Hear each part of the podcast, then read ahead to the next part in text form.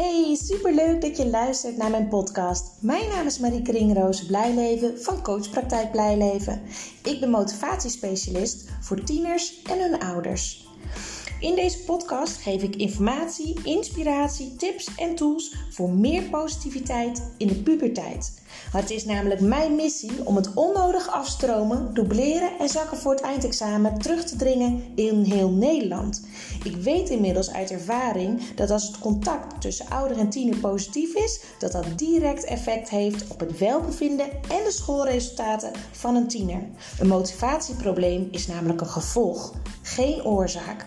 Enjoy! Hey, welkom bij weer een nieuwe aflevering van mijn podcast.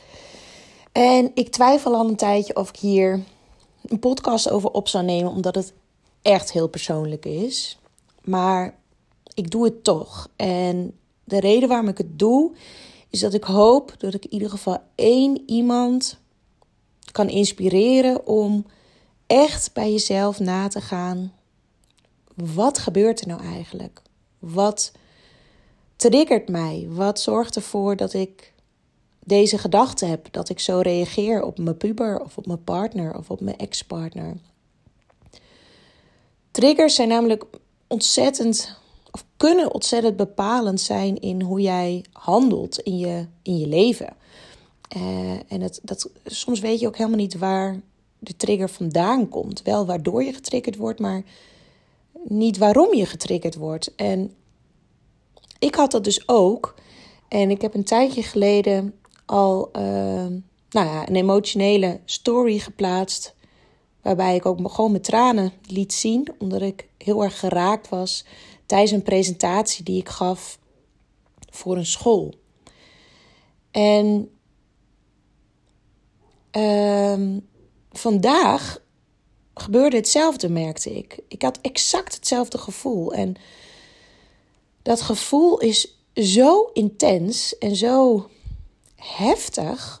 Dat komt niet door de ander. Dat is iets in mij, in mijn lijf, in mijn systeem, wat ik nog niet verwerkt heb, kennelijk. En ik kon de vorige keer dat ik getriggerd werd, dus in die presentatie kon ik nog niet plaatsen wat het nou precies was. Ehm, wel wat er gebeurde, maar niet wat mij nou zo raakte. En dan, dan eh, zoek je de oorzaak ook op de verkeerde vlakken. Nou, ik zal even wat uh, gedetailleerder worden. Oh, dit is echt wel even een stap voor mij ook om zo open te zijn. Maar ik denk dat het ook voor inspiratie kan zorgen voor jou. Dat is in ieder geval de intentie waarmee ik dit doe. Ik ben ook maar een mens. Ik word ook getriggerd. Ik heb ook mijn verleden.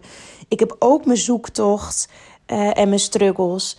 En soms kun je dingen nog zo goed weten hoe het werkt. Maar als het om jezelf gaat, dan, uh, ja, dan kan je het nog niet altijd toepassen of zo. Ik weet niet hoe ik dat moet uitleggen. Maar goed, mijn triggers. Ik heb wel eerder al gedeeld over mijn triggers. En de laatste keer tijdens een presentatie, daar heb ik al eerder wat over gezegd. Toen uh, was ik bij het stuk over emotioneel afwezige vader, emotioneel afwezige moeder. Dat is een heel gevoelig punt in de presentatie. Daar ben ik me heel bewust van. En elke keer denk ik ook: zal ik het erin laten of niet? Maar het is zo'n belangrijk onderdeel, het familiesysteem, ook bij tieners, maar ook bij docenten zelf of bij ouders zelf, bij volwassenen, dat ik hem altijd wel wil delen. En tijdens deze presentatie werd iemand dus uit het publiek, een docent, werd getriggerd en reageerde heel emotioneel en uh, nou ja, zei dat, ik, dat, nou ja, dat het echt niet kon wat ik zei, dat het, uh, dat het niet van deze tijd was dat uh, hij niet aan kon horen, dat hij misschien maar de presentatie moest verlaten. En ik was heel erg overrompeld door deze reactie. Die had ik, heb ik nog nooit gehad op deze manier. En hij, hij kwam gewoon heel erg binnen. En het was allemaal online, dus je ziet ook niet het publiek. En ik voelde een soort ongemak. Ik heb dat toen ook direct benoemd. Ik zei: Oh jeetje, ik krijg er helemaal warm van. En, en het is natuurlijk helemaal niet de bedoeling om mensen te kwetsen of wat dan ook. Ik wil vooral delen. Um, ja, waar ik merk dat gewoon heel vaak de kern van een probleem zit. En dat is in dat stuk. En met name bij emotioneel afwezige vaders, zonder oordeel. Dat zeg ik altijd heel duidelijk erbij. En dat meen ik ook oprecht. Want ik heb geen oordeel. Het is puur het krijgen van inzicht, bewustwording. En daarna, oké, en wat kan je ermee? En wat kan je eraan doen? Zodat je dat stuk kan aanpakken, zeg maar. Dat je er weer vrede mee hebt en, en rust in voelt. Maar het lukte niet. En ik moest door. Dus ik heb die, ik heb die sheet heel snel, heel ja, kort eigenlijk soort van afgeraffeld. Ik heb eerst nog hulp ingeroepen van de schoolleiding. Joh, wat zal ik doen? Zal ik deze sheet overslaan? Um, schoolleiding wist van tevoren dat ik dit thema ging bespreken. Ehm, dus ik denk dat zij ook overrompeld waren hierdoor. Toen uh, de presentatie was afgelopen, iets van 10 minuten na dit incident ongeveer, of vijf of tien minuten zoiets, uh, zou ik direct een workshop geven, of moest ik direct een workshop geven van een uur aan dezelfde groep uh, docenten. En aan het einde van de presentatie sloot ik af en emoties overvielen mij. Ik moest huilen, de tranen kwamen en ik zei: Sorry als ik mensen heb, heb gekwetst. Dat is absoluut niet mijn intentie. En ik heb zelf zoveel gehad aan deze informatie die ik toen tot me heb mogen nemen. En er zijn zoveel kwartjes gaan vallen, waardoor ik echt patronen heb kunnen doorbreken die mij niet dienden, die mij niet hebben geholpen. Waardoor ik zoveel positiever nu in het leven sta en zo anders ben als moeder, als coach, als mens, als partner. Dat gun ik jullie ook. Uh, en daarmee wil ik het afronden. En toen heb ik mijn camera eh, uitgezet, microfoon uitgezet. En uh, een teamleider zei nou laten we even 10 minuten pauze nemen. Dan uh, gaan we daarna door met de workshop. En ik heb, ja, de tranen kwamen toen. En ik zat in mijn eentje in de praktijkruimte. En ik dacht, shit, ik, ik heb geen ruimte voor, voor emotie nu. Ik, ik, ik mag dit nu niet voelen. Ik mag dit nu niet laten gebeuren. Ik moet nog een uur een workshop geven en kom op, bij elkaar rapen en door. En toen kreeg ik nog een berichtje, een appje van de teamleider of ik even wilde praten. Nou, ik heb zei nee, laat me maar even met rust. Want als ik ga praten, dan komt alles er helemaal uit natuurlijk. En ik wist op dat moment niet wat mij triggerde. Ja, ik dacht dat het dus was dat, hè, de dingen die diegene had gezegd, die docent. Dus ik heb mezelf bij elkaar geraapt en heb nog een uur de workshop gegeven. Um, ja, puur op doorzettingsvermogen, op overlevingsstand eigenlijk. Um, en na die tijd um, heb, ik, eh, ja, heb ik eigenlijk twee uur nodig gehad in mijn eentje in de praktijk om de tranen even eruit te laten en bewust te worden wat gebeurde nou eigenlijk en wat gebeurt er bij mij en het was zo'n intense, ja, ja, ik weet niet of het pijn was, maar verdriet en geraakt worden gewoon, gewoon ja, in mijn hart. Het was echt mijn borststreek als ik echt kijk naar wat er met mijn lichaam gebeurde. Ik dacht, dit is niet oké, wat heftig dit. dit. Dit heb ik, nou ja, jaren niet gevoeld. En ik heb wel mijn man nog even gebeld en alles verteld. En uh, heel emotioneel was ik natuurlijk. En hij was hartstikke lief. En hij zei: Ik sta klaar om je te knuffelen zodra je thuis bent. En uh, neem je tijd. En dat heb ik dus ook gedaan, mijn tijd genomen. En um, ja, toen heb ik eigenlijk alles voor mezelf op een rijtje gezet. En ik merkte dat elke keer dat ik iets zag van die school, um, dat ik die pijn weer voelde. Het was helemaal gekoppeld aan die school. En toen er tijd overheen ging, ben ik steeds meer bewust geworden dat het niet om die situatie gaat, maar dat het iets is in mij wat weer getriggerd is uit het verleden. Maar ik kon niet plaatsen wat precies uit mijn verleden. Ik ben vroeger uh, op de basisschool heel erg veel gepest. Ik was toen al heel gevoelig en um, huilde heel snel. Ja, dus je was een makkelijke prooi. Um, dat, dus eh, heel erg de afwijzing voelen van je bent niet goed genoeg, je hoort er niet bij. Denk maar niet dat, dat wat jij zegt dat dat klopt of, of, of waar is. Of continu proberen mijn kleding en mijn woorden aan te passen aan met name de pester. Er was één pester die was, die was heel ja, consequent aan het pesten. En bij alles wat ik kocht, dacht ik, zal zij het mooi vinden? In plaats van, wat vind ik eigenlijk mooi? Nou, hier heb ik ook al eerder een podcast over, genomen, over opgenomen. En toen dacht ik, zal dat het zijn? Het, de tijd op de basisschool dat ik, dat ik gepest werd. Is dat wat er nu weer gebeurde voor mijn gevoel? Ehm, maar ik had het gevoel dat dat het toch niet helemaal was. En op den duur heb, ja, is het wat rustig geworden. Heb ik het wat meer bij hun kunnen laten, ook wat er gebeurde. Uh, want er is nog een heel proces aan vooraf gegaan ook. En, maar goed, verder nu even niet belangrijk. En vandaag ben ik opnieuw getriggerd. Op dezelfde manier. In, tenminste, hetzelfde gevoel. Weer in mijn hart, weer in mijn borststreek. En, en, en heel erg het gevoel van afwijzing. En het gevoel dat je door de man valt. Zo van, zie je wel, je, je denkt dat je goed werk verricht en dat je veel weet, maar eigenlijk weet je helemaal niks. Of wie ben jij nou om dit te zeggen? En um, ja, dat eigenlijk. Heel erg de afwijzing. Uh, niet het recht hebben om, om iets te zeggen. Uh, de dingen die je zegt, dat die, dat die onzin zijn. Dat, die, dat, die, ja, dat ik minder ben eigenlijk dan een ander. Teruggezet wordt op de plek waar ik hoor. En, en niks deel. Het klinkt heel extreem, ik weet het, maar ik, ik ben even volledig open over wat er bij mij van binnen allemaal gebeurt.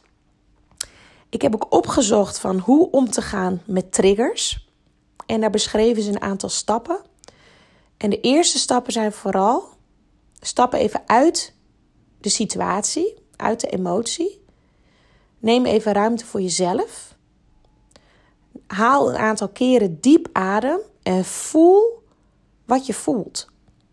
Druk het niet weg, duw het niet weg, maar ga eens naar die plek in je lichaam waar je de pijn voelt, de trigger voelt. Nou, bij mij is het dus echt in mijn hart, op mijn borst.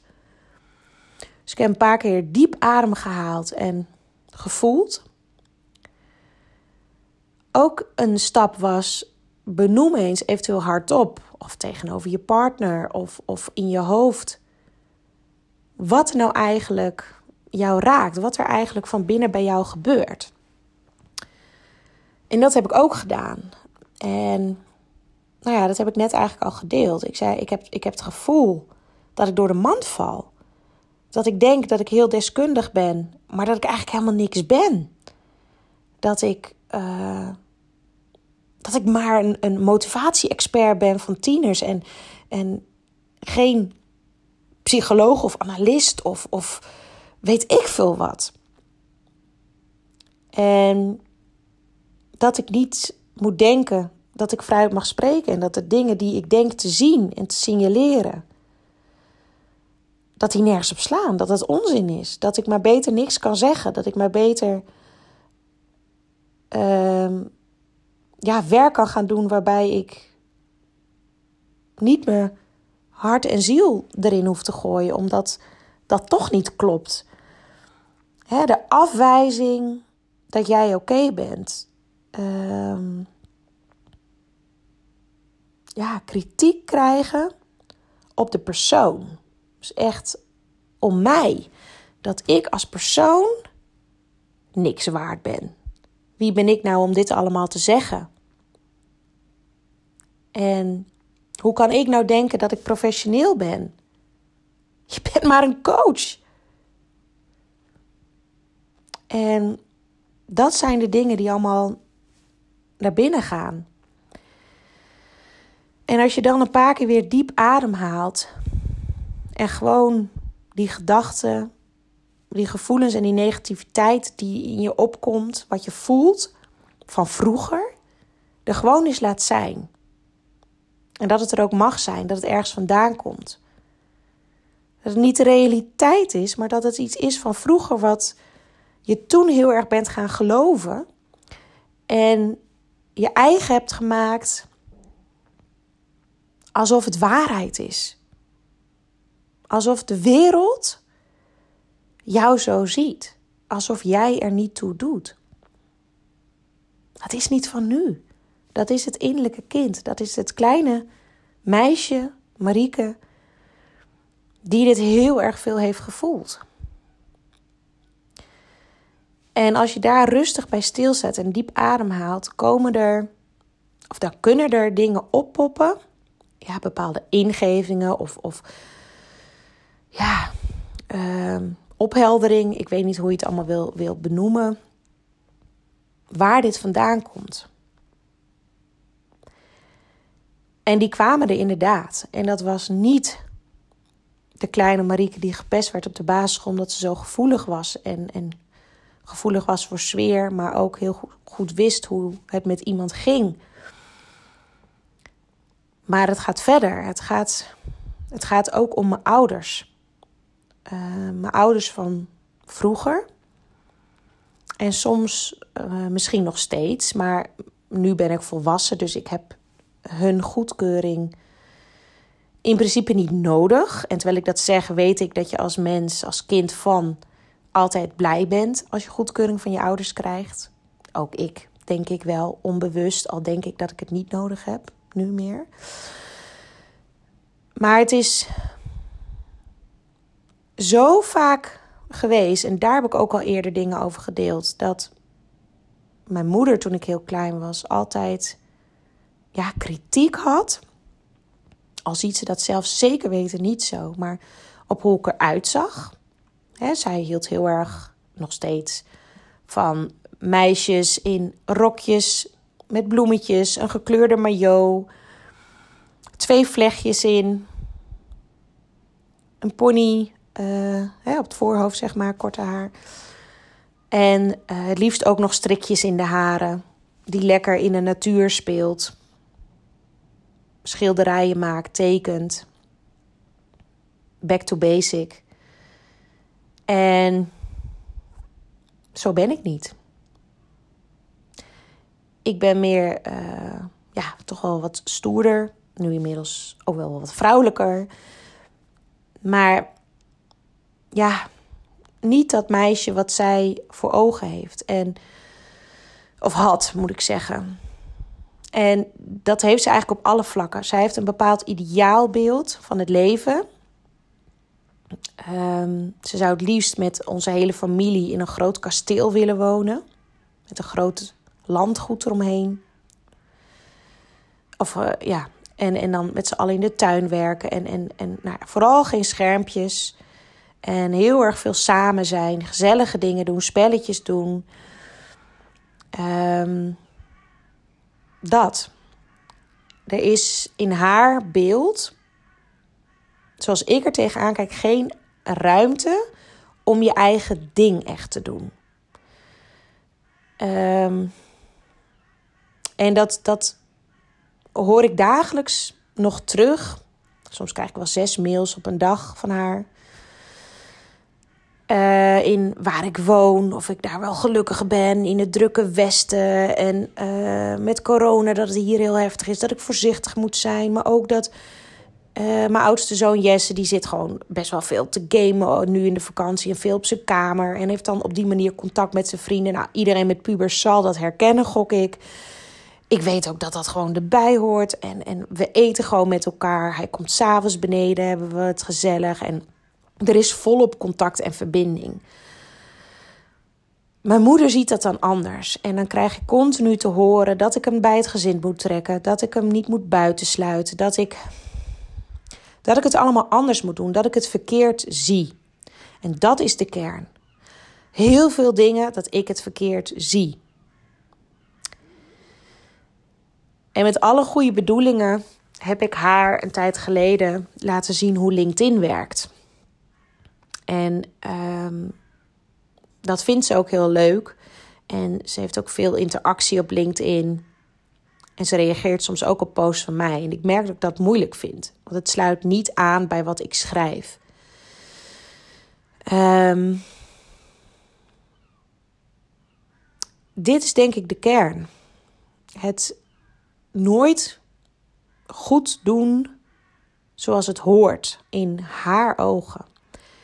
En het, het, het voelen dat je het altijd anders doet dan dat zij denkt dat goed is. En nu weet ik gewoon dat ik mijn eigen pad mag volgen. En het, dat raakt mij ook niet meer. Dus daar ben ik ook een beetje zoekende. Maar toch weet ik, zodra er iets gebeurt in haar bijzijn of ze hoort iets of iets en ze heeft daar weer een andere kijk op, krijg ik hele lange tijd daar weer mails over, kaartjes over, brieven over. Dat ik het anders moet doen, dat ik het verkeerd zie. En dit is wel iets wat echt structureel in mijn, in mijn leven aanwezig is geweest. Door mijn beide ouders. Voor mijn gevoel. Ik verwijt ze niks. Want heb ik ook tegen mijn moeder gezegd, en dat lukt mij nu ook steeds beter. Om terug te schrijven: Mam, bedankt dat je je zorgen maakt om Jesse. Um, ik weet dat we wel in verbinding met elkaar staan. En ik weet dat dit gedrag tegenwoordig wel normaal is. En je hoeft je geen zorgen te maken. Heb het vertrouwen dat ik weet wat ik doe en hoe ik het doe. En de tijden zijn ook veranderd. Ik laat haar nu inmiddels in, mijn waarde, in haar waarde. Blijf ook trouw aan mezelf. En koppel dat terug en laat het bij haar. Dat lukt me echt oprecht nu en dat raakt me niet meer. Een paar jaar geleden, misschien zelfs nog wel tot vorig jaar, reageerde ik helemaal niet op die mails. dan stopt het vanzelf wel weer. Of ik reageerde heel fel. Denk maar niet dat je het nu beter weet en de tijden zijn veranderd. En dat jij dingen zo ziet. Dat wilde hè, heel erg in in de aanval. Wat ik heel lang heb gedaan op alle vlakken ook rondom familie. Dat heb ik nu niet meer. Dus die rust heb ik gevonden. Maar als jij als klein kind, of eigenlijk ja, je hele jeugd, mijn hele jeugd en mijn jongvolwassenheid ook, continu die afwijzing voelt. het, het, was waarschijnlijk geen afwijzing, want het was met goede bedoelingen. Want zij werd er blij van als dingen waren op haar manier. Zij kon niet aansluiten bij hoe ik dingen zag. Zij kan zich niet inleven in het perspectief van een ander. Althans, dat vindt ze heel moeilijk. En dat is niet erg, dat is oké. Ik heb daar nu ook geen oordeel over. En toch denk ik dat hier wel de kern ligt bij mij. Dat ik dat zo ben gaan geloven. Het continu horen. Dat wat ik zie en denk en doe niet oké is. Dat dat zo veel onzekerheid in de, in de, in de diepte van mijn ziel heeft, heeft ja, ontwikkeld, zeg maar. Waar ik nog iets mee mag. En bij mijn vader is dat eigenlijk ja, pas op een later vlak gekomen, denk ik. Sowieso in de, in de tijd van, ja, ik denk vanaf het moment dat ik eigenlijk uit huis ben gegaan en hij zijn nieuwe partner heeft gekregen. Dat was vlak na elkaar namelijk. Dat hetzelfde daar heel erg ging spelen. Dat ik dingen verkeerd zag. Uh, dat ik dingen niet begreep. En dat is heel lang zo doorgegaan. En het contact is ook ontzettend wisselend geweest de afgelopen jaren. We hebben echt tijden gehad dat we, dat we echt ja, maanden geen contact hadden. Omdat het gewoon niet ging. Dat er continu ruzie ontstond. En ik denk dat ook bij mijn vader datzelfde stuk zit als bij mijn moeder. Het, het moeilijk vinden, tenminste in die tijd, want nu lukt dat wel heel goed, waardoor de band met mijn vader echt nu vele malen beter is geworden. En we hebben echt fijne gesprekken nu. En het, dat is nog maar sinds kort. Maar dat lukt nu doordat ik zelf iets geshift heb. Ik accepteer mijn ouders allebei volledig zoals ze zijn. Met al hun plussen en hun minnen. En dat is echt wat ik uit, die, uit het boek De Fontein heb gehaald. En heb mogen leren. Waardoor ik nu echt in verbinding sta. En dat de stroom, ja, het klinkt zo zweverig, maar zo, zo vertelt Els van Stijn het in dat boek De Fontein. Dat de stroming weer goed loopt. Dat de positiviteit weer naar me toe komt. Dat het weer makkelijker gaat in, in mijn leven. En dat klopt. Ik voel het aan alle kanten. Ik voel zoveel rust en vertrouwen. En serieus, voor mijn gevoel voel ik dit voor het eerst in mijn leven. Zoveel rust en vertrouwen. En ik kan ook helemaal handelen vanuit mezelf. Zonder in een overlevingsmechanisme te schieten van, van vluchten, bevriezen of, of vechten. En dat is zo'n verademing. Dat, dat gun ik jou ook. En dat is de reden waarom ik dit zo open deel. En misschien komen er reacties en, en, en denken mensen er iets van. Het interesseert me geen ene flikker. Sorry voor mijn taalgebruik. Ik deel dit voor de mensen die dit wel willen horen. En die nog steeds zien dat je meer bent dan die triggers. Dat je meer bent dan die overtuigingen die in jouw jeugd zijn ontstaan. Dat dat iets van vroeger is. Dat het jou niet minder waardevol maakt. Sterker nog, misschien maakt het juist wel waardevol omdat je juist zo goed kan begrijpen hoe een ander zich voelt. En nogmaals, ik leg totaal geen schuld bij mijn ouders. Ik kijk juist naar mijn aandeel. En misschien heb ik vroeger wel juist niet hun kant kunnen begrijpen. Terwijl ik dacht dat zij mijn kant niet begrepen. Waardoor die continue strijd is ontstaan, omdat ik continu in het gevecht ging. Of vluchten, want ik ben ook heel vaak uit contact gegaan en langere tijd niet in contact teruggegaan. En als ik daar nu aan denk, vind ik dat echt verschrikkelijk. Ik denk, oh, als ik dat nou anders had gedaan, wat, wat, was, wat was het dan fijner geweest? De band tussen mij en mijn familie, wat was, wat was het allemaal makkelijker gegaan? Maar ook nu zeg ik mezelf weer: als ik toen had geweten wat ik nu weet, had ik anders gehandeld. Had ik andere keuzes gemaakt, had ik me anders opgesteld. Toen deed ik wat toen goed voelde, wat mijn overleving toen was. En hoe mooi is het en hoe oprecht dankbaar ik nu ben. En ik merk dat me dit raakt terwijl ik dit zeg ik nu ben, dat ik dit nu mag voelen. Dat ik dit nu mag ervaren. Dat ik die, dat zelfinzicht heb mogen krijgen. En ook al is het pas nu. Je kan ook zeggen, het is al nu. Want er zullen ook genoeg mensen zijn die dit niet hebben of ervaren. Hoe waardevol is het dat dit inzicht er nu is en dat ik nu eindelijk in contact kom, echt contact kom met mijzelf en met mijn familie. Daar ben ik rete dankbaar voor. En dat is wat ik iedereen gun. Echt iedereen. En tegelijk snap ik nu ook die trigger, die pijn die ik voel, omdat ik zo ben gaan geloven. Dat ik het niet waard was. Dat wat ik zag en deed, dat het nooit goed was. Maar dat het iets van vroeger is. Ik ben zo ontzettend waardevol als persoon, als coach, als professional. En het klinkt arrogant, maar ik weet dat dit waarheid is. Ik krijg het dagelijks terug van mensen om me heen. Hoe dankbaar ouders zijn dat ze weer contact krijgen met hun kind door de gesprekken die ik met hun en hun kinderen heb gevoerd. Ik doe nu voor gezinnen. Wat ik zo graag had gewild voor mezelf en mijn ouders vroeger. En daar ben ik nog niet zo heel lang van bewust dat dat zo is. Maar dit is wel de kern van mijn bedrijf. Dit is mijn drive. Dit is mijn passie. Om jou en vele anderen op dit punt te laten komen waar ik nu sta zodat je de, het vertrouwen voelt dat jij oké bent. Los van je verleden, los van de dingen die tegen je gezegd zijn.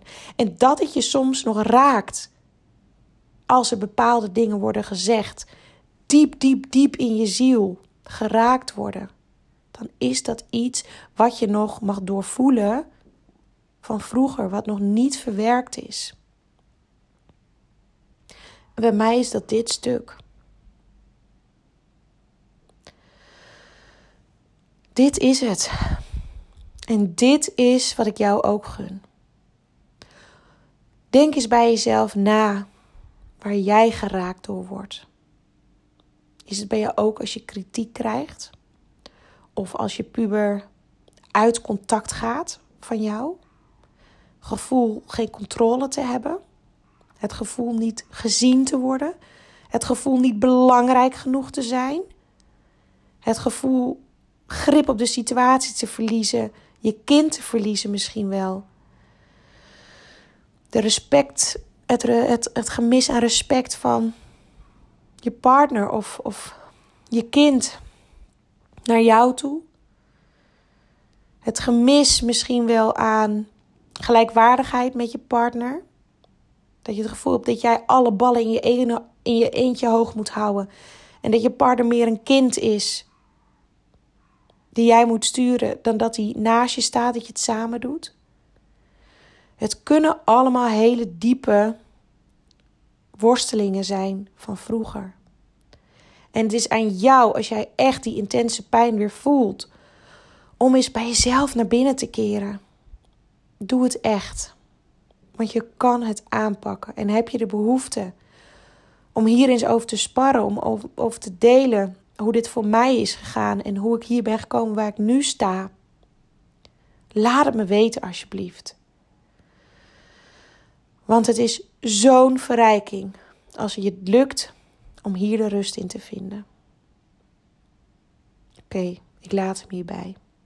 Ik ben heel benieuwd wat je hiervan vond. Laat je me weten. Ik wens jullie een hele fijne dag. Doei doei.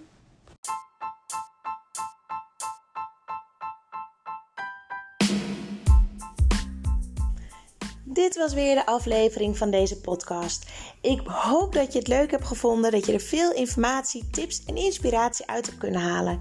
Ik ben ontzettend benieuwd wat jij van deze podcast vond en wat je eruit hebt gehaald. Want ik neem ze op, maar ik wil heel graag weten hoe het is voor jou als luisteraar om dit allemaal te horen. Wil je mij dat laten weten via een persoonlijk berichtje? Dan vind ik dat hartstikke leuk. Wil je andere ouders motiveren, stimuleren? En inspireren met deze podcast, deel het dan op social media. En wil je mij contacten? Dat kan via www.coachpraktijkblijleven.nl. En wie weet spreken we elkaar snel. Fijne dag!